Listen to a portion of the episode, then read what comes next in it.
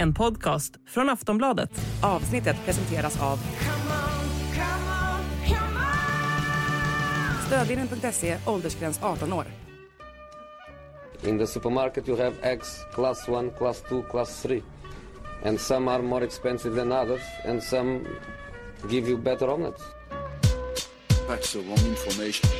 Wrong, wrong, wrong information. I didn't say that. Sillypodden är här denna torsdag i oktober. Makoto Asara heter jag som sitter här vid eh, ja, mixerbordet kanske heter det inte utan eh, skärmen och eh, programledarstolen. Patrik Syk är alltjämt eh, arbetar med AI nu för tiden. Men Premier League-podden kör han, det, det har ni säkert märkt också. Eh, nog om det, med mig i studion precis som förra veckan eh, Kasper Ljungström och Emilio Valdesberg, välkomna in Tack, tackar. till att börja med. Vi tänkte, så det är inte jättemycket som egentligen händer på Silly-fronten just nu. Det finns ju lite saker värda att ta upp. Eh, lite tränare som sitter löst, lite free agent som är och letar klubbar och annat.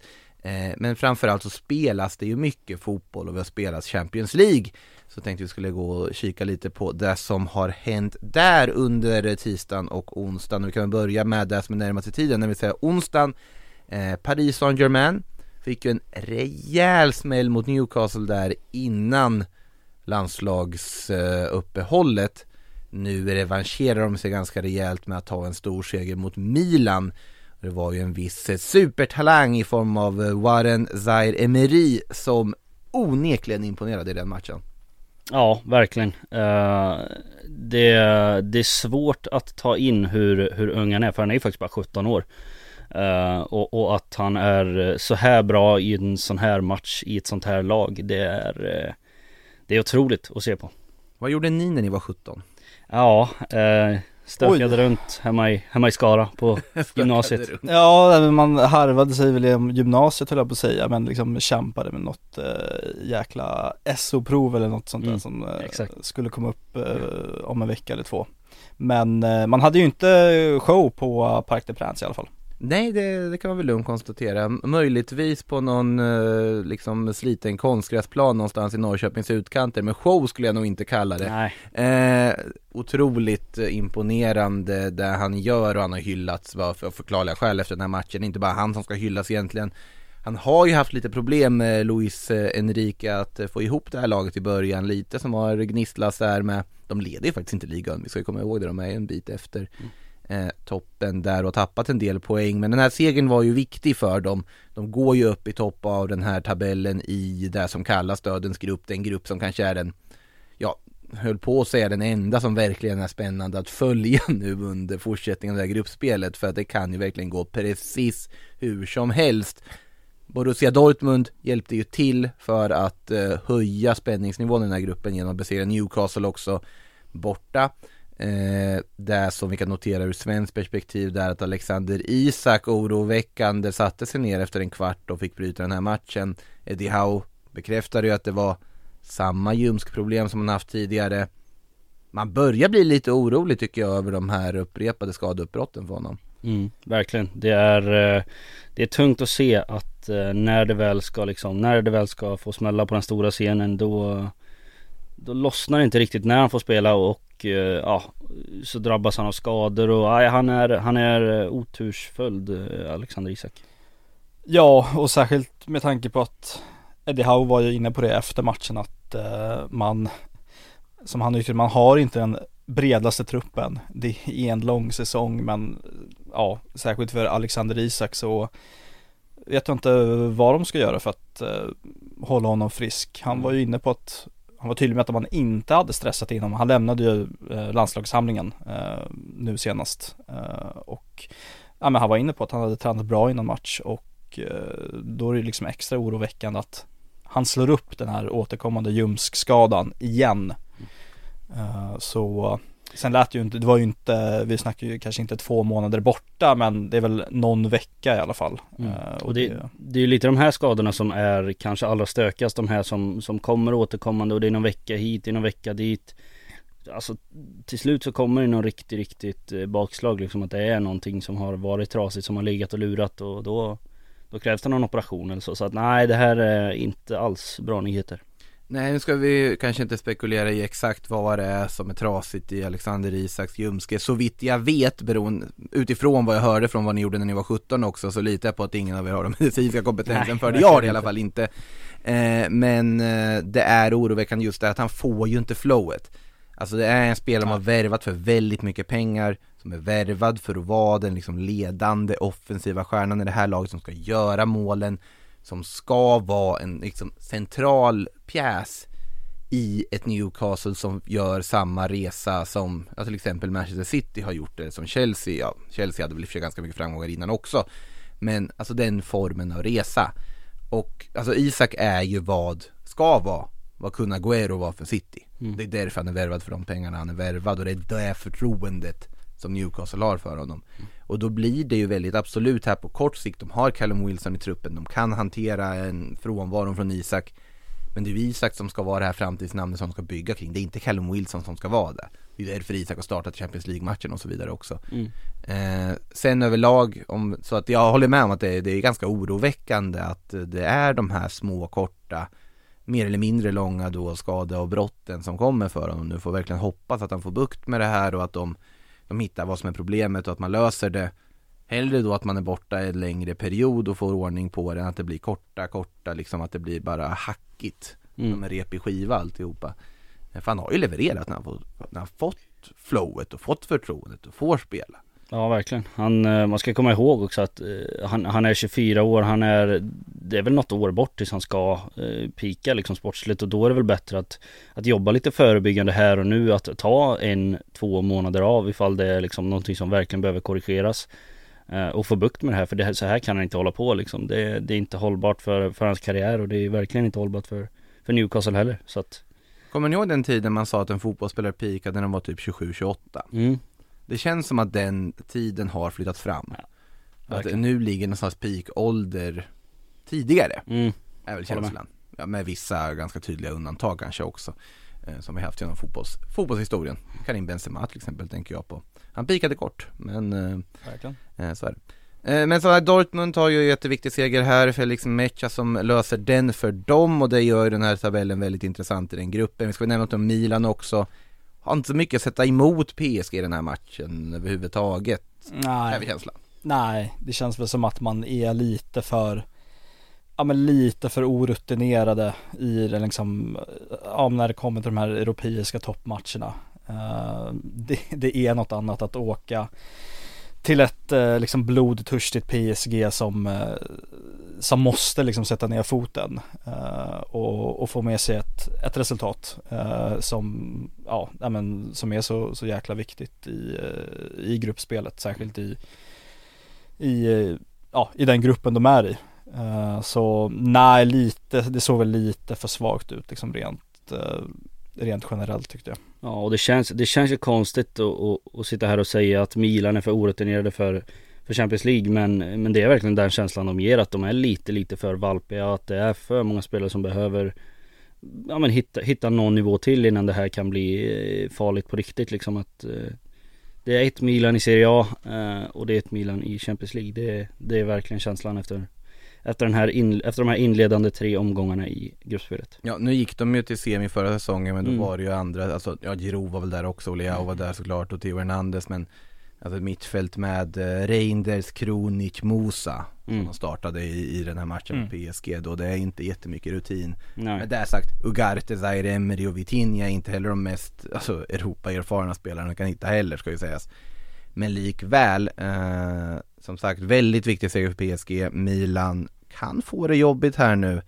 Men det är ju två lag som vanligtvis går vidare för sina grupper som inte kommer göra det i en Mm. sån här grupp. Ja, Newcastle är ju första äventyret här och jag tror fortfarande att de riskerar att åka, åka ur den här gruppen men det gör ju samtliga lag eh, Ja men eh, för att liksom fortsätta lite på Newcastle där, så, så tycker jag väl också att de, de visar sin orutin i de här sammanhangen att eh, Bollen vill inte in helt enkelt och det är, ja, Dortmund känns Trots att de är oerhört tillbakatryckta i, i andra halvlek så känns det någonstans som att Det finns ett inre lugn där och att de har Ganska mycket kontroll på det såklart så är Newcastle väldigt nära på att kvittera men Ja det känns, Newcastle, Newcastle har, har eh, kanske något år till innan de ska ta det här klivet och liksom avancera från sådana här grupper. Oroväckande med Murphy ska vi säga också i Mm. Newcastle som ju fick bryta blott fem minuter in på sitt inhopp, gjorde ju en supermatch här i helgen och sen så sa väl Howe där också efter att det såg inte jättebra ut. Nej. Det är nog en allvarligare skada, får hoppas på ett snabbt eh, att han kommer tillbaka fort, men det är väl en, han personifierar ju för övrigt det här liksom mer orutinerade spelarna som inte riktigt har spelat på den här Mm. Europanivån förut. Eh, och Howe pratade om att det var en läropeng det här också. City är lite mer vana. Eh, och de blev, blev väl inte allt för stressade även om eh, Young Boys eh, faktiskt stod upp väldigt väl måste man ändå säga. Eh, men även när Meshak Elia satte ett 1-1 mål från ingenstans där så var nog City ganska lugna och framförallt så gick ju Erling Braut Haaland fram och eh, byggde på sin målkvot. Han Hade lite tuffare målskyttet eh, senare tid men det är ju bara ur Haaland mått mätt. Eh, kanske.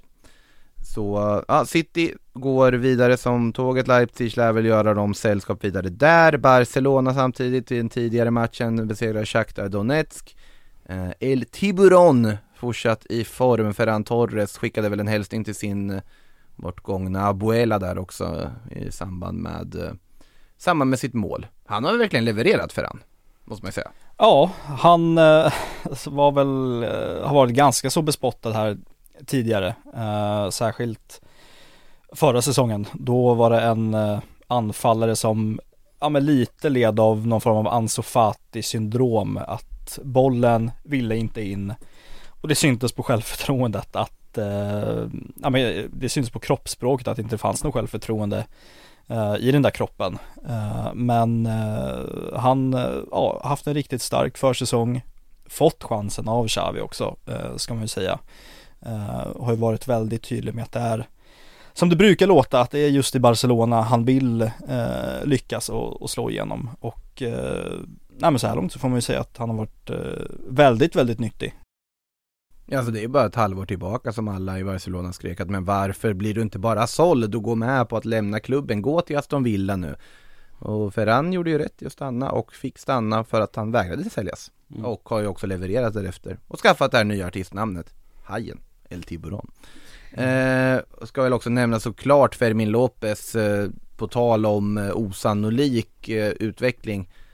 Eh, unge La Masia-produkten som förra säsongen var på lån i tredje divisionen. Eh, gjorde ett drömmål i ett försäsongsklassiko, så fick han plötsligt chansen i A-laget, ingen förstod riktigt vad, hur det gick till. Men han har ju också levererat och det är ju inte helt otänkbart att han startar i ett riktigt El Clasico till helgen med tanke på att han gör ett ett plus ett i den här matchen. Ja, verkligen. Det är, han har verkligen gett Xavi någonting att tänka på. För som du säger, det det är nog ingen som hade räknat med att se honom i Barcelonas A-lag den här säsongen. Eh, det brukar dyka upp ett par liksom namn på den där USA-turnélistan som man inte har någonsin hört talas om. Eh, och vips så dyker han fram i det här klassikot gör ett mål eh, och, och plötsligt så, så, ja, så har han medvind med sig och nej, det är en otroligt ja, men imponerande mittfältare, lite rakare i sitt spel, rivig som, eh, som attan och visar ju också att han har ett, ett väldigt bra skott. Och är det någonting som det här Barcelona mittfältet behöver och har behövt nästan hela tiden är ju en, en mittfältare som vågar skjuta. Det, det har ju funnits tidigare, vissa mittfältare vågar skjuta lite för ofta. Eh, Inne mittfältare har man ju sett genom åren, tänker inte nämna några namn men Nej men eh, det som ni säger liksom, det, det känns som att man faktiskt vågar säga det att, att Barcelona är en ganska, de mår ganska bra just nu rent sportsligt och eh, de här egna produkterna, de kommer lite på rullande band och, och det flyter på. Det är många spelare som, som Ferran Torres och Joao Felix som, som, ja, som, som spelar bra och eh, ja, jag, jag vågar nog sticka ut, ha, sticka ut hakan och eh, påstå att Barcelona i en Champions League-final, det det hade man kunnat lägga en liten slant på. Det, Vi ska komma ihåg dock att de ska börja med att ta sig förbi ett gruppspel. Mm, Eh, Det kommer de göra den här Jo, gången, för nu har de faktiskt fått en överkomlig lottning, vilket de inte har haft tidigare. Mm, vilket de också Eh, klarar och av bra. absolut är de en kandidat när de väl är där framme, det är ingen snack om saken. Eh, vi ska vidare till tisdagens matcher också, eh, gå igenom lite fort det intressanta. Därifrån måste vi nämna först också att det var Japanerna som sänkte Atletico Madrid där för Celtic, Kyogo Furuhashi med ett otroligt fint väggspelsmål Daizen Maidas eh, förarbete till Luis Palmas eh, 2-1 mål där också. Daizen Maida såg riktigt bra ut i den här matchen, det gjorde mig väldigt glad att se. Eh, Och Atletico som faktiskt tappar poäng borta mot Celtic 2-2 där bara fick de med sig. Eh, Rött kort på Rodrigo de Paul, ett andra gult också. Kanske inte jättehöga odds på den. Nej, eh, verkligen inte. Men, och Atletico var inte jättenöjda med det givetvis. Eh, Skulle vara helt otroligt om de skulle missa att ta sig vidare från gruppen ännu en gång. Nu Mm. är de ju fortfarande på andra plats. Feyenoord toppar ju gruppen före då Atleti, Lazio och sen Celtic. Eh, Vidare då till eh, tisdagen och det man noterar där främst var väl eh, de personliga revanscherna på Old Trafford. Harry Maguire, stor matchhjälte. Eh, Matchens enda mål mot FC Köpenhamn och dessutom André Onanas straffräddning på Jordan Larsson står straff på matchens sista spark eh, det var lite intressant att höra Erik Ten Hag efter matchen som konstaterade att ja, men jag är väldigt nöjd med hur vi ändå hade övertaget på chanserna i andra halvlek. De möter ju FCK hemma. Ja, det är eh, häpnadsväckande att slänga ur sig sådana saker men det är, väl, det är väl någonstans där United behöver börja nu att man Oavsett motstånd behöver börja styra matcher och, och ta tre poäng igen och, och som du säger så är det verkligen personliga revanscher här och Harry Maguire tycker jag inte bara revanscherar sig i den här matchen utan han har ju varit riktigt, riktigt bra Mm. nästan varje gång han har fått chansen den här säsongen. Så att, eh, ja jag tycker personligen att det är kul att han får lite återupp, återupprättelse här Maguire för han har fått genomlida en hel del. Ja men alltså han har ju gått från att när han värvades så var han något överskattad Mm. Till att vara alltså, nästan brutalt underskattad idag måste jag säga. För att det är, det har jag varit inne på jättemånga gånger i den här och andra poddar också att det är det är ju en X-jakt som har pågått och Mm. det är liksom lätt att dras med i den på något sätt också. Men han är en spelare som brinner för den där klubben, som bidrar. Problemet ligger väl i att han själv inte ser sig som ett truppkomplement Nej, och han exakt. kan inte se sig själv som ett truppkomplement och han kan inte vara mer än ett truppkomplement i dagens United. Det finns för mycket uppförsbacke där. Eh, och det finns spelare som är bättre. Men här och nu, utifrån deras skadesituation så är han ju ovärderlig. Mm. Framförallt när han går fram och gör mål på det sättet han gör. Mm. Jag var mest glad att André Onana fick göra en räddning och visa att eh, han håller en, eh, en hög nivå. Nu ska man inte bara single out en straffräddning och hylla om, ta honom till skyarna för det. Väldigt fin straffräddning dock också. Mm, verkligen. Eh, Men jag tycker också att ha tålamod med honom för det där är en väldigt, väldigt skicklig målvakt. Eh, Även om han haft en väldigt, väldigt jobbig start i United-tröjan. Ja, verkligen. Det var väl på något sätt den gamla Inter och Nana man fick se. Han hade ju också en riktigt vass räddning där i Mm. andra halvleken med Ja, just det. när, Just när han sträcker ut rejält. Ja. Eh, så, ja, nej men om man ska blanda in lite silly i det här liksom. Ja, det, är, det är ju Sillypodden trots allt. Jag Ja. tänkte lite på det att det, det är nog dags nu. Det är, det är här man, man, det här man sticker ut hakan i Sillypodden men eh, det var om jag inte minns fel The Sun som ja, hävdar att eh, man är inne och, och fingrar på att eh, ta tillbaka David de Gea tre månader efter att man har eh, kickat ut honom. Den ligger så otroligt serverad för, Ja, det för är- The Sun och andra publikationer av ungefär samma, samma dignitet att, att fånga upp den bollen. Han var ju väl ute och fikade där med Lindelöf och Bruno Fernandes och några andra såg jag också. Han, han hänger kvar i stan där Ja. bara och Ja, han liksom Ja, runt. Old Trafford fortfarande. David de Gea får ju faktiskt umgås mer med eh, Manchester United-spelarna i A-truppen än vad Jadon Sancho får just nu. Mm. Eh, vilket ju också är helt makalöst. Ska vi, ska vi dra senast om Jadon Sancho när vi ändå är här, tycker jag. Eh, det kommer ju, Athletic har gjort en mer detaljerad genomgång av vad som liksom, är läget med Jadon Sancho. Och det är vissa detaljer som man har läst om förut och sen är det vissa nya detaljer i sammanhanget och det är ju liksom en helt bizarr situation. Det som ska ha då varit anledningen till att om vi då backar bandet till när den här konflikten dök upp mellan Erik Ten Hag och eh, Jadon Sancho. Eh, det vill säga då eh, när då vet du, Ten Hag sa att på en presskonferens att nej men Jadon Sancho har inte levererat på träning därför var han inte aktuell för att spela. Sancho går ut på sociala medier eh, säger det där stämmer inte, det där är ljug, sluta prata skit om mig mer eller mindre. Ten Hag blir arg, stänger av Sancho, de gör det officiellt också, stänger av honom från A-lagsverksamheten. Och där är vi fortfarande idag. Eh, Jadon Sancho får inte träna med A-truppen, han får inte umgås med A-truppen. Han får inte parkera sin bil vid där A-truppen parkerar sin bil utan han får parkera borta vid akademin. Han får inte äta lunch med A-truppen utan han får gå och hämta en liten matlåda i smyg. Det var väl andra uppgifter tidigare om att han får ju också byta om i en skrubb inlåst eftersom att han då inte får byta om tillsammans med minderåriga akademispelare som han tränar tillsammans med. Han är i total exil. Mm. Eh, och en del till att den här exilen ska ha blivit av var också att sättet han hanterade petningen på ska inte heller ha fallit den här smaken. Att han dök upp på någon nattklubb i London, han var ute på något event någonstans, jag vet inte vad det var för event i USA där han åkte dit. Eh, sen har han ju dykt upp då i hans eh, Hans gamertag då på IAFC har ju dykt upp så här för folk som har spelat mot honom. Man kan ju notera det här på när man möter en riktig, alltså fotbollsspelare som spelar spelet på att de får ju så här specialkort på sig själva. Så att eh, det, går ibland att hitta, vet, jag har någon, har någon kompis som hamnar på att möta Na- Nabil Bahoui i någon, någon match någon gång, Ja. noterade det till exempel.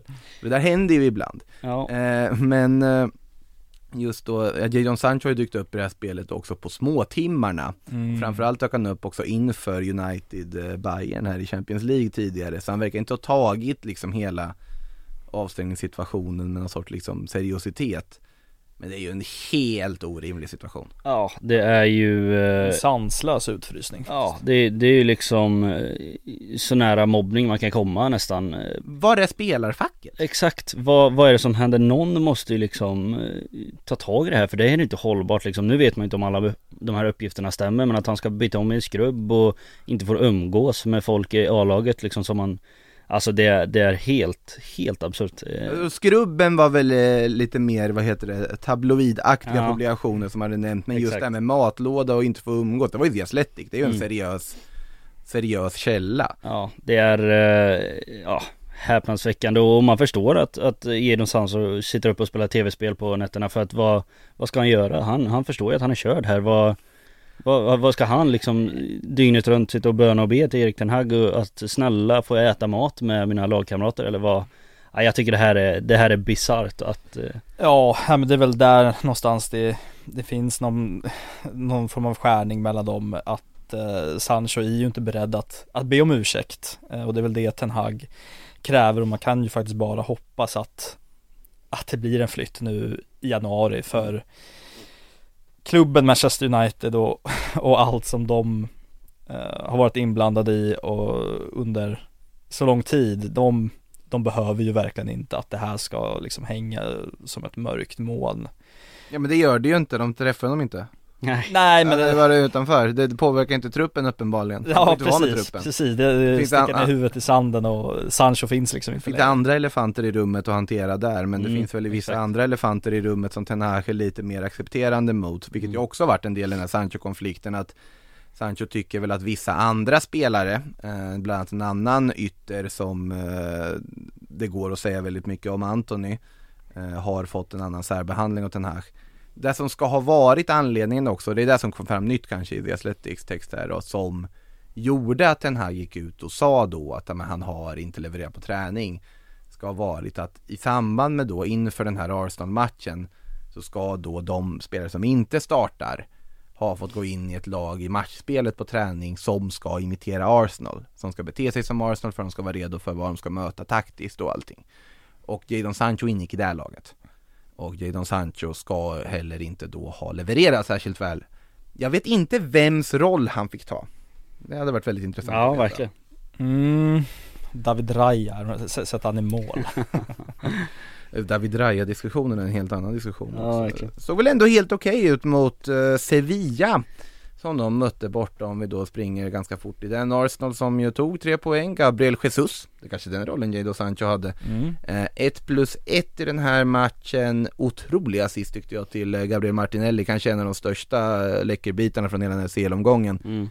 när han Verkligen. bara vänder upp och drar den där bollen helt perfekt i, i djupet och skapar det där friläget för Martinelli. Eh, Gör jättefint eh, 2-0 mål också Det som gladde mig mest i den här matchen var att se Mariano Diaz komma in och ändå se någorlunda pigg ut för Sevilla men eh, sån är ju jag. Ja, det var inte det jag gick igång på, det kan jag, Nej, det kan jag det meddela nog väldigt få som gick igång på, jag, jag blev glad och se honom, just det, han är där, kom han på. Och så försökte han se på någon cykelspark och lite annat, det var, det var underhållande att se. Känns väldigt mycket Mariano Diaz att försöka på sig en cykelspark Ja, eh, vid första bästa tillfälle. Ja. Sergio Ramos eh, över på svenskan också där med eh, Glenn Nyberg och hans svenska domarteam. Eh, man vill ju veta vad som, vad som sades där, det är ju inte liksom ett det är ett ganska vad verbalt aktivt Sevilla-lag eh, när du har en backlinje med Sergio Ramos och Marcos Acuna i den.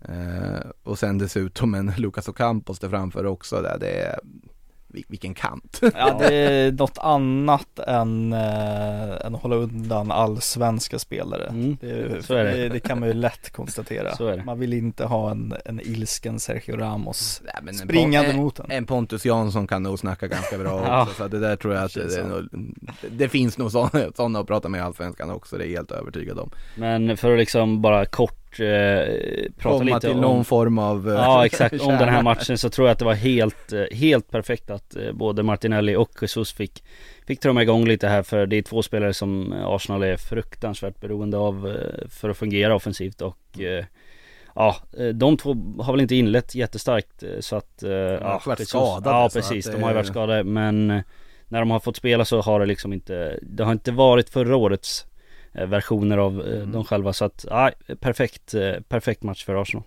Jag vill säga samma om Rodrigo i Real Madrid som fick göra mål, inte heller haft en sån här superstart på säsongen. Eh, han som gjorde det andra målet i den matchen, Jude Bellingham, haft en desto bättre start på säsongen.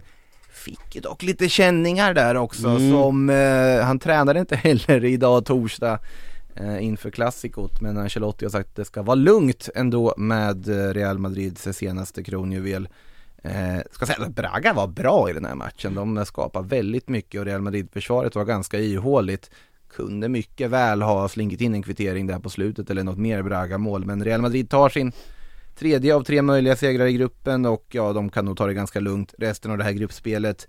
Eh, Bayern München likaså, efter att ha besegrat Galatasaray borta, även här en match där de kanske inte riktigt förtjänade 3-1 seger på så vis. Eh, Galla som jag tyckte var klart bättre i majoriteten av den matchen också och kunde ha gjort mycket mer. Men Bayern har Harry Kane, de har Jamal Musiala, de har ganska bra spelare Verkligen. Eh, på tal om Jamal Musiala så kan vi ju faktiskt eh, gå över till lite mer Silly-relaterade saker på mitt eh, snabbt ihopkastade körschema. Och eh, förra veckan pratade vi om att Jamal Musiala var på Liverpools radar. Nu är det tysk media som rapporterar att Jamal Musiala inte vill till Liverpool eller inte ens tänker på Liverpool. Inte, absolut inte This is Anfield över dörren hemma. Eh, han är bara inställd på att vara kvar i Bayern München. Men det finns två potentiella alternativ och båda de här alternativen har dessutom enligt Sport Bild, kom väl till och med idag tror jag, eh, är intresserade av Musiala. Mm. Och det är Real Madrid och det är Manchester City. Och det är väl, det är inte jätteförvånande alternativ. Nej, utan det är Nej. väl de två klubbarna som har störst dragningskraft ute i Europa och då Då blir det att de största stjärnorna enbart vill gå dit, så är det ju. Ja, och så lockar det väl kan jag tänka mig att, eh, ja men kanske återförenas med en viss Jude Bellingham i, Mm. i Real Madrid. Mm. Eh, de två, ja men lirade väl eh, i ungdomslandslaget i England Så är det ju såklart. Eh. Jag tänkte att eh, precis, Innan- de givet. innan Musiala bytte då till, ja, att representera tyska landslaget på seniornivå. Ja det är sant, precis ja, det måste de ju ha gjort där tillsammans ja.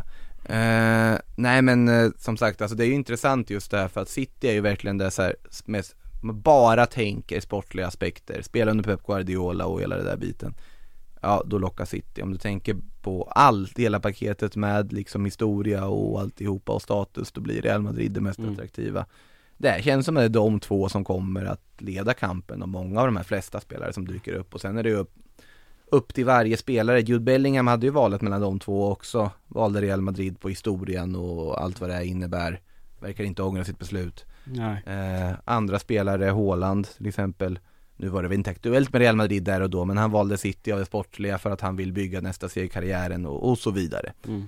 Eh, så att eh, det är inte otänkbart att om Musiala lämnar Bayern och Bayern faktiskt öppnar för att sälja för, om jag överhuvudtaget sätter ett prislapp på honom, så är det nog någon av de två klubbarna som är aktuella. Mm.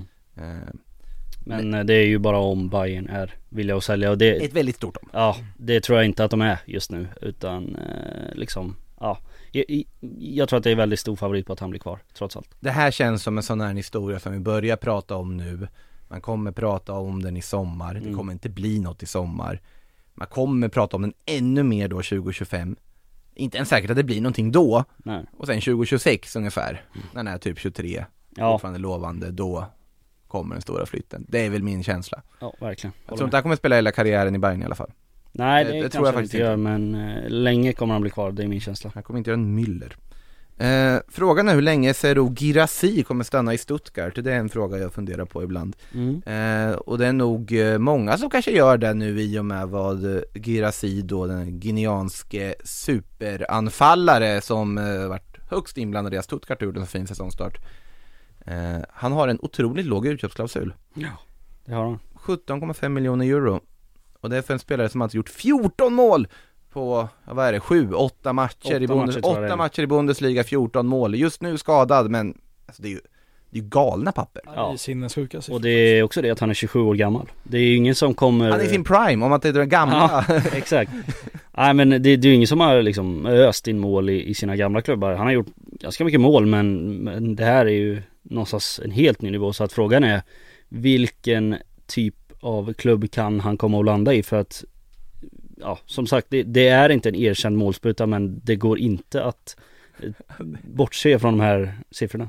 Men alltså han har ju gjort, han är två mål ifrån att göra lika många mål som det räckte att vinna Bundesligas Ja. skytteliga på, på 38 matcher förra säsongen. Ja, det är Han spelar i otroligt. Stuttgart. Häpnadsväckande. Men eh, det är väl, eh, ja, som det har varit med många andra anfallare. Det finns väl något Premier League-lag som, eh, ja det finns lag som är i kris redan nu, men eh, som kommer att leta efter en anfallare i Mm. januari. Och de, eh, ja vad är det, 17,5 miljoner euro, det är ju inte jättemycket pengar. Hade det varit högre hade väl de varit beredda att matcha det också kan Mm. jag tänka mig. Så, ja det inte omöjligt att det blir en flytt i januarifönstret. Ja, känslan är att eh, nu, nu vet man inte om Girassi vill lämna. Han verkar inte vilja Nej, vara exakt. dugg intresserad av att lämna i januari. Han verkar trivas, äh, sto- stormtrivas, han vill vinna en skytteliga. Ja, det förstår man ju absolut. Men, Men- men samtidigt känns det som att han har nästan lite tur att den här utköpsklausulen finns. För att hade den inte funnits så känns det som att Stuttgart hade velat ha ja, men 50-60 miljoner för det här Jag tror inte ens vi hade pratat om att Girassi skulle kunna gå Nej, någonstans om inte den här Precis. klausulen Så att, fanns. eh, den dörren finns nu i alla fall och det, det tror jag han gynnas av för att förr eller senare så kommer ju han vilja flytta från Stuttgart, det förstår man ju. Så att, Ja, men man ser ju också framför sig att alltså någon gång ska väl den där mål, ja, om han fortsätter i det här tempot, då är det ju helt makalöst. mm. Men såklart att han vill ändå se vad det här bär en hel säsong. Kanske ta Stuttgart till en CL-plats, vem Mm. vet? Eh, och lyckas där. Och sen efter det då, kanske signa ett nytt kontrakt med Stuttgart. Höja den där klausulen till typ 6 50-60. Fortfarande Ja. vara aktuell för en flytt. Skicka en fin signal till laget som gav honom chansen. Han gjorde ändå 11 mål där förra säsongen också. Mm. Eh, Frågan är om han är lika aktuell för en flytt om klausulen höjs från 17,5 till 50 ja, 50-60 var kanske att ta i då, men, Men alltså 40 då? Ja, ja, jag, eh, jag tror att för hans bästa så tror jag att han ska lämna nu för att det här, det här är inte en målform som kommer hålla i sig, inte i närheten. Jag tror att det här är en sån här klassisk spelare som gör det otroligt bra i en 13-14 matcher och sen är det någon klubb som nyper honom och så gör han två mål på fyra säsonger. I'm Nick Friedman. I'm Lee Alec Murray. And I'm Leah President, and this is Crunchyroll Presents The Anime Effect. We are a new show breaking down the anime news, views, and shows you care about each and every week. I can't think of a better studio to bring something like this to life. And Yeah, I agree. We're covering all the classics. if I don't know a lot about Godzilla, which I do, but I'm trying to pretend that I don't right Hold now. it in, hold on. And our current faves. Luffy must have his due. Tune in every week for the latest anime updates and possibly a few debates. Oof. I remember, what was that? Say what you're gonna say, and I'll circle back. you can listen to Crunchyroll Presents The Anime Effect every Friday wherever you get your podcasts. And watch full video episodes on Crunchyroll or the Crunchyroll YouTube channel.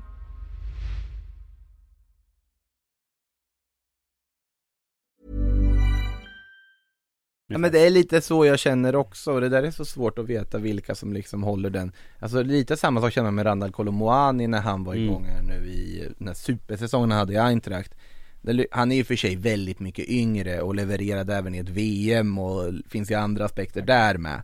Eh, men han fick man ju ändå en saftig summa för när PSG köpte loss honom. Också målskytt för övrigt i, i, Mm. i veckan. Eh, men det är en annat namn med Girassi här kanske. Men det ska Ja. bli väldigt kul att se vilka, vi kan ju tänka oss att han kommer ryktas till United, han kommer ryktas till Arsenal. Du tror att det är den hyllan av klubbar som kommer vilja Ryktas till. Ja, Som absolut sagt, just det, det man kan säga just nu om de som undrar varför vi pratar ganska lite Silly-rykten överlag om man tittar på hela det här avsnittets längd Så är det ju för att det mesta som dyker upp nu är ju typ fichajes.com, The Sun till Ja, exempel, Daily Express, eh, El Nacional, Calcio Mercato, det är eh, mycket, mycket, mycket, mycket hittepå just nu. Det är mycket Saltkaret är framme. Ja, det är eh, överflöd av salt som florerar i det här nu, för det här är ju en period där det inte Alltså det är inte så mycket som kan hända för det är inget fönster som är öppet just nu liksom Mm. Däremot en, en läge där det faktiskt händer saker konkret, det är ju i MLS eh, För där har Inter Miami missat eh, playoff, de har redan börjat titta på hur de ska fixa sitt lag nästa säsong de har annonserat att eh, Josef Martinez, personlig favorit i mig, venezuelanske strikern, inte får fortsatt förtroende och släpps. Och eh, där kommer ju, och det kan vi nog slå fast nu i och med att eh, personen jag ska nämna har brutit med sin klubb i Brasilien, med Gremio. Luis Suarez kommer gå dit och eh, fortsätta på den här råt stora reunionfesten som de har där borta i Miami. Alltså Mm. Messis reunionfest. Ja, vem, eh, vem är Sergio Busquets? Nej men det snackades väl, eh, ja men lite nu i somras om att eh, Luis Suarez eh, skulle mer eller mindre vara, vara klar för en, för en flytt dit. Och eh, ja, jag kan ju inte se något annat att den, att den övergången eh, kommer att ske. Mm. Den blir av, Ja. det kan vi nog konstatera. En övergång som också verkar bli av, inte kanske samma hylla, lite mer överraskande är att Real Betis, de har gått ut efter en mittback här mitt under säsong och Free Agents går ju att värva. Och Sokratis, Papastopoulos Ja, är, du ska inte ens försöka Nej, nej, nej, nej, jag ska absolut inte försöka ur huvudet utan att läsa. Eh, Sokratis, vår gamla Arsenal-vän, han är, verkar klar för Real Betis. Eh, de värvar mycket så här oväntade Mm, spelare ibland Betis. De lyckas ganska ofta med det också. mm. Sokratis är verkligen en spelare man inte har tänkt på på ett par år nu eh, Så man vet inte riktigt vilken nivå han håller men eh, Bettis verkar ju sugna så att, ja Ja, vi får väl se, alltså det, det var så här bara, jaha, Sokratis. Ja man var, knappt, man var knappt liksom med på att han fortfarande spelar fotboll Men det gjorde han tydligen i Olympiakos fram till i somras när kontraktet gick ut Jag var ju på väg åt rätt håll, Papastatopoulos. Ja, Mm. Nästan Jag var, det var nästan, det var Nästan. lite på den vägen. Eh, 35 år har han inte bli i alla fall, eh, Sokratis. Mm. eh, kan vi konstatera. Eh, och eh, senast då i Olympiakos var han i hemlandet. Nu får han, verkar han alltså få chansen i Bettis. Eh, bara en sån sak. Kan säga så här, jag tänker inte ens försöka uttala hans eh, makas namn som dök upp när jag googlade honom här också.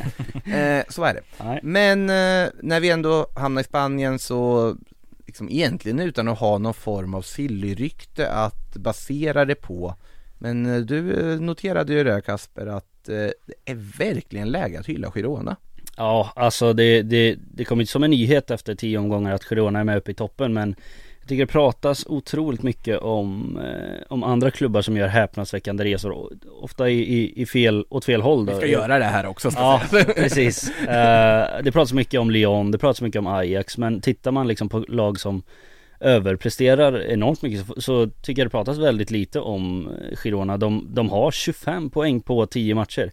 Mm, Må så vara att de inte har haft det svåraste schemat men eh, att man liksom bara vänder och gör slarvsylta av Almeria det är ju något som, som Girona inte ska pyssla med liksom så att eh, Ja det här, det, det är verkligen en, en klubb och en prestation som jag tycker går helt under, eh, under radarn och inte hyllas tillräckligt Vem av er kan sätta Gironas eh, otroligt lyckade trebackslinje ur huvudet? Inte jag mer än Dali Blint va? Han, Så är det, det, är det är någonting man inte riktigt tänkt på heller, att Nej. Willy Blint eh, huserar där till vänster Nej. eh, Vem som huserar till eh, höger kanske Emilio har koll på Ja, nej, men man eh, plockade väl in eh, Erik Garcia på lån. Mhm, Så är det. Och om inte jag är helt ute och cyklar så tog man väl in eh, gamla Espanyol-kaptenen David Lopez också. Och det stämmer alldeles utmärkt också. David Lopez, eh, åldersmannen i mitt, ja, Blint är väl inte purung heller. Nej. Men Blint, Lopez och Erik Garcia. Det är Och så har man eh, Ukraina där Dovbyk eller vad, hur man nu uttalar det högst upp som Marcus Danielsson väl eh, satte, satte dobbarna i, i EM. Var det han? Jag tror att det var han eh, om jag inte missminner mig så att eh, Nej men det är en ot- otrolig liksom reslig centertank som, mm, eh, verkligen. som de har där framme och sen har de väl eh, brassen Savio också Mm. eh, ute på en kant som man har plockat in. Och så framförallt kanske Christian Stoani som fortfarande är kvar i Girona så han Ja, Christian Stoani, Angel Herrera på, på kanten, Arnau Martinez Mm. kanske folk känner igen, ryktades väl både till Barcelona och till Mm. Atletico Madrid så det är ju en, liksom en salig blandning som man har Paolo Gazzaniga i mål. Ja, gamla Spurs-keepern det bara regnar i namn här. Men det sjuka är att nu har vi nämnt halva deras trupp och ingen har nämnt typ La Ligas bästa mittfältare senaste året, nu, nu kryddar jag det lite. Eh, Men Aleix Garcia, Mm, som har varit helt fenomenal i, i Girona. Det ska sägas, de har ju åtta vinster på tio matcher. De har förlorat mot Real Madrid ganska rejält, gjorde de ju tidigare, men de har ju besegrat Sevilla borta. Vilket i och för sig ganska många klarar av med tanke på hur Sevilla såg ut innan de bytte tränare nu. Mm. Nu har de i och för sig fått lite resultat. De fick ju krysset mot Madrid med, men jag förstår inte varför man plockar in Diego Alonso. Det är helt utom min förståelse vad, hur han tänkte när de tar in, väljer honom av alla namn som finns tillgängliga. Eh, helt annat sidospår. Eh, Villarreal borta besegrar de ju också. Eh, så att de har ju några, men de har haft ett överlag ganska överkomligt kör, körschema. Ja. Matchschema. Må så vara men jag tycker att det, det är såklart, det är otroligt superimponerande ändå. De- imponerande att 25 poäng på 10 matcher som sagt det är, eh, det är otroligt Alltså de ledde ju ligan en stund Ja, i helgen. exakt. Eh, bara en sån sak och det är inte otänkbart. Säg att Madrid och Barcelona spelar ut varandra på Camp Nou i Clasico till helgen. Girona tar tre nya poäng. Ja, då är det Girona som toppar serien. Mm. Celta Vigo hemma. Det är absolut en match de kan vinna. Så är det Eh, redan imorgon, klocka på, på fredagen där, Mm. eh, blir det Girona och ja, då är det Dovbyk mot Karl Starfelt, bara en sån sak. Eh, nej, det var värt att prata lite Girona, det tycker jag. Eh, om vi kan sitta och namedroppa Stokes lag från 2018 som vi har gjort i något annat avsnitt här, då kan vi absolut stå och namedroppa Gironas trupp nu. Ja men det tycker jag, det tycker jag Men ska vi gå till de här andra lagen som har utmärkt sig lite på grund av att snarare att de är dåliga än att de är bra, det tycker jag vi kan lyfta innan vi går in och kika på lite frågor om vi har fått några sådana. Eh, Ajax, de är i total kris, de ligger på näst sista plats i Eredivisie. Eh, bara det är helt orimligt, de har aldrig varit så dåliga i en säsongsinledning. Eh, det är första gången någonsin sedan de startade professionell fotboll då i Nederländerna, eller deras proffsliga då i 1954 eh, som Ajax har varit så dåliga som på en 17 plats efter sju omgångar. Det är första gången någonsin de har så lite som fem poäng efter sju omgångar. Det är första gången någonsin de bara haft en vinst på sju omgångar. Eh, och om man tittar då på de underliggande statsen och tittar på så här expected points och sådana, sånt påhitt så är de ju sist. Alltså det är inte som att de har spelat bra och förtjänar att få mer utan de, de spelar precis så här dåligt. Ja. De kan inte göra mål, de har ingen offensiv, de har en liksom en trupp som är liksom ihophafsad på att Sven Mislintat skulle spara cash under eh, sommaren. Sven Mislintat som fick gå från sin eh, sportchefspost efter den här ja, avbrutna storförlusten mot Feyenoord för en månad sedan. Eh, och nu har även tränare Mauri Stein fått lämna sin post. Eh, det är eh, det är stabsläge i Ajax på alla sätt och vis just nu. Man tänker att ja, på tal om Blint, Mm. mm. visst Danny Blint ska ju tillbaka in nu, eh, nominerad till att bli ledamot i, i klubben också. De ska försöka hitta tillbaka en form av Ajax DNA. De har Brighton i Europa League här ikväll, eh, på torsdagen. Sen har de alltså PSV Eindhoven borta till helgen, Mm. som är 22 poäng före dem. Eh, alltså det är helt sanslöst hur det kan gått så snett för Ajax som det har gjort. Ja, eh, sen ska man väl liksom Jag vågar ändå säga att ned- någon slags nedflyttning blir det ju Nej inte nej tal nej om nej nej, nej. Det, såklart. men det finns inte men det här är en klubb som alltså kan sparka tränare för att de ligger tvåa från Ja, toppen snarare än Det två här från botten. Det, det är eh, otroligt för det, det är möjligtvis att man har sålt eh, många i, i somras liksom både Edson Alvarez och Mohamed Kudus till, till West Ham bland annat Eh, och inte kanske plockat in de bästa ersättarna, man har plockat in Chuba Akpom som gjorde det oerhört bra i Championship men Chuba Akpom där. Chuba Akpom är väl kanske inte liksom någon jätte, jätte målskytt sett Det är inte Ajax-DNA på Nej, på exakt. Bergvin är väl den som på något sätt bär nå- någonting, eh, måste vara snarare väl PSV fostrad i grunden väl. eh, Ja, så är det. Så att, eh, ja nej det är, eh, det är nedgraderingar på de flesta positionerna men det är en trupp som absolut ska vara tillräckligt bra för att eh, vara uppe i toppen i Eredivisie. Så att det här är ju en eh, lite av en chock för alla som är kring Ajax. Ja det gäller ju för PSV och Feyenoord att smida medan järnet är varmt där nu också Mm, och försöka, försöka liksom etablera en eh, Ja framgångsera Mm. när Ajax nu verkar vara på väg mot eh, lite mörkare perioder eh, Lyon, de har också dåligt på tal om klassiska klubbar som vi är vana att se långt fram i Europaspelet och sånt Lyon ligger sist i, eh, i ligan Mm. Ja, och det det är också liksom magstarkt när man säger det och, och, och, och kolla på den där tabellen för, för även där är det ett spelarmaterial som absolut inte ska, ska harva ner i, i botten i liga. Jag Ska väl sägas att det är lite mindre förvånande här för att Lyon har ju inte varit så välmående i ett par år här nu. Eh, så att det kommer lite mindre som en chock även om det är en stor chock. Alltså det är mycket mindre chock än att Ajax ligger på nedflyttningsplats Ja. Det visar att det ska inte finnas.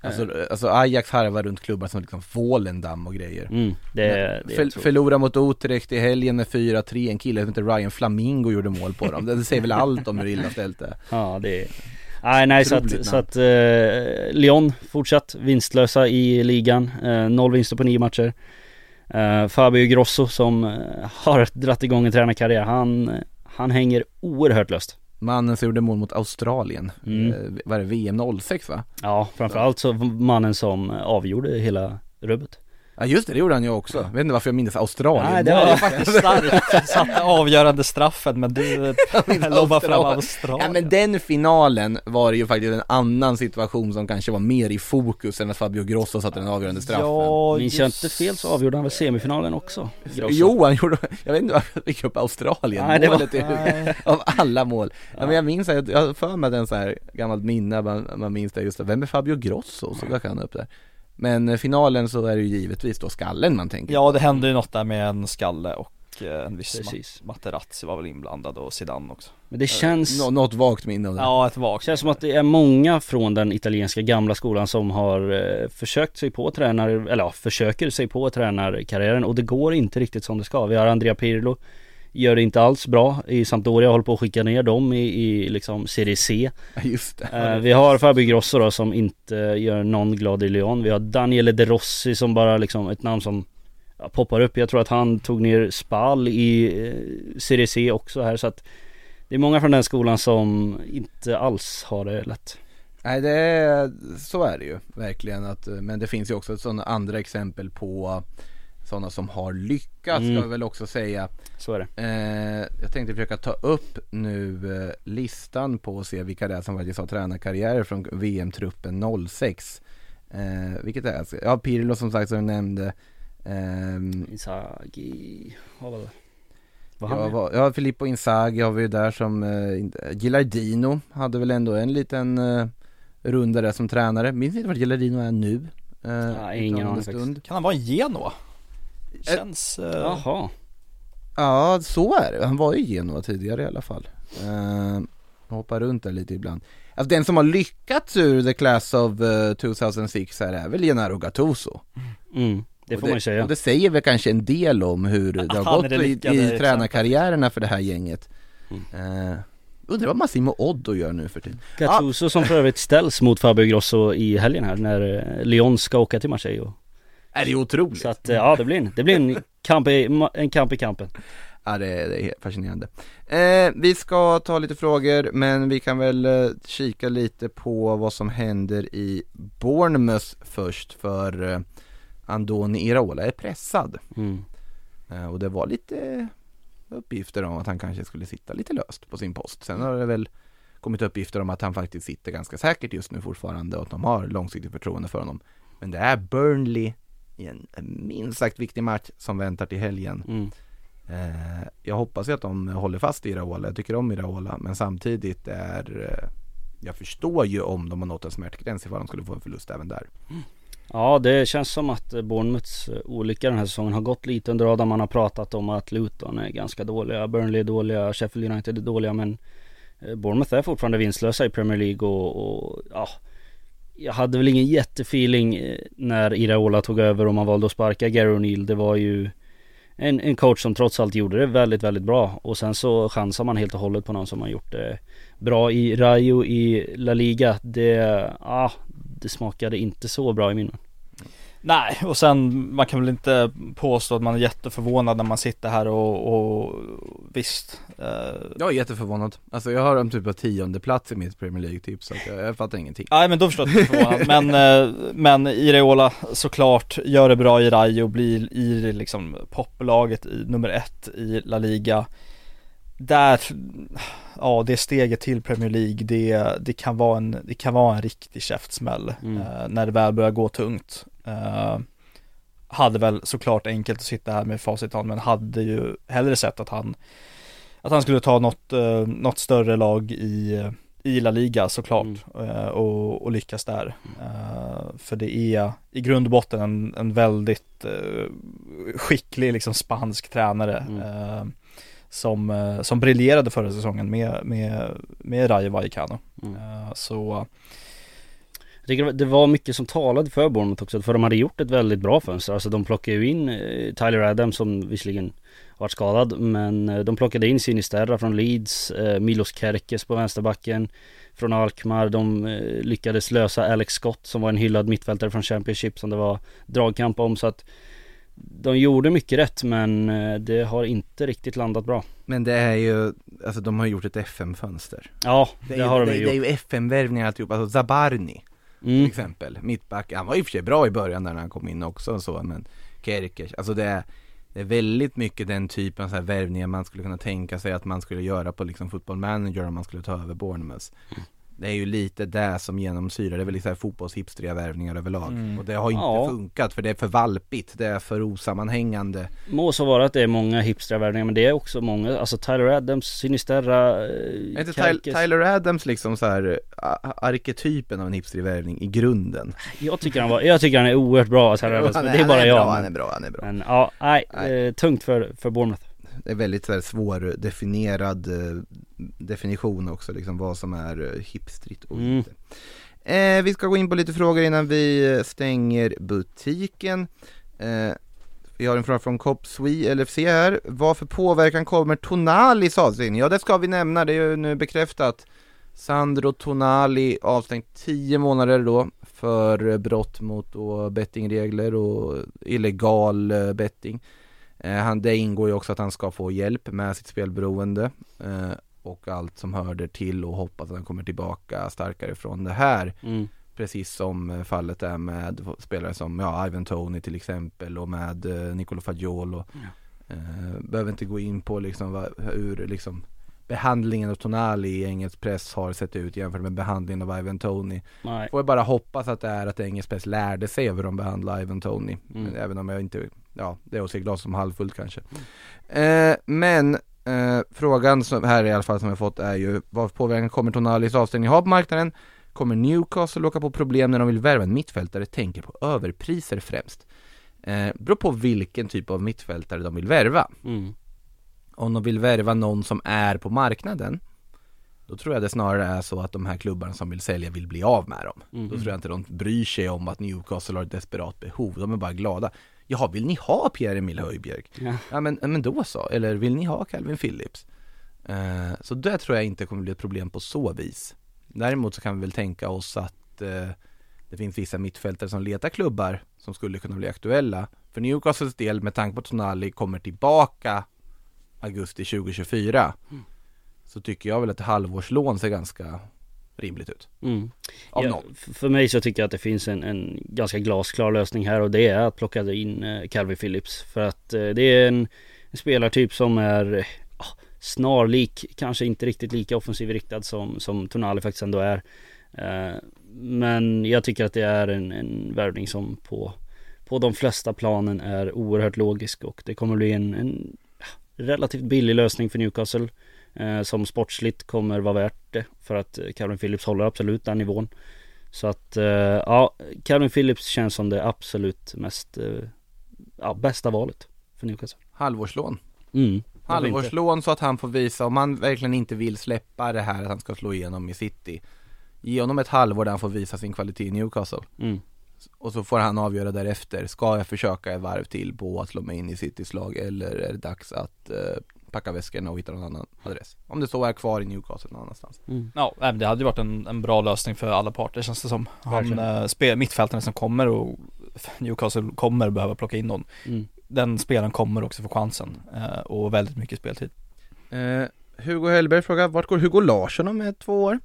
Eh, han har ju faktiskt gjort en väldigt fint i Eintracht hittills, eh, tror att Fabrizio Romano var ute och pratade om att Precis. top clubs are following him Precis eh, Och då pratar vi alltså klubbar som är mer top clubs än vad Eintracht Frankfurt är Och det är inte vilka klubbar som helst Ja, vart ska han då? Ja, vart ska Ja, han? man får väl vara glad att han duckade där. den där Bournemouth-kulan framförallt. Ja, det får man Eh, verkligen På tal om vara. hipstriga värvningar Ja, ver- Ja. verkligen. Ja. Nej men det är väl inte omöjligt att tänka sig att eh, de lite större klubbarna i eh, Bundesliga har ganska bra koll på eh, Hugo Larsson. Mm. Eh, ja, Dortmund, Leipzig. Ja, varför inte? Känns väldigt Dortmund-kompatibel och eh, ja, låter väl som en bra lösning för Hugo Larsson, Larsson. i Dortmund låter faktiskt inte helt dumt Nej. Måste jag säga eh, Ja det skulle man kunna se framför sig om det skulle gå bra för honom eh, Linus Norman frågar vad hände med all snack gällande Haidara? Kommer ni ihåg att vi pratade om Haidara jättemycket för ett, två, tre fönster sedan? Amadou Haidara i RB Leipzig Mm.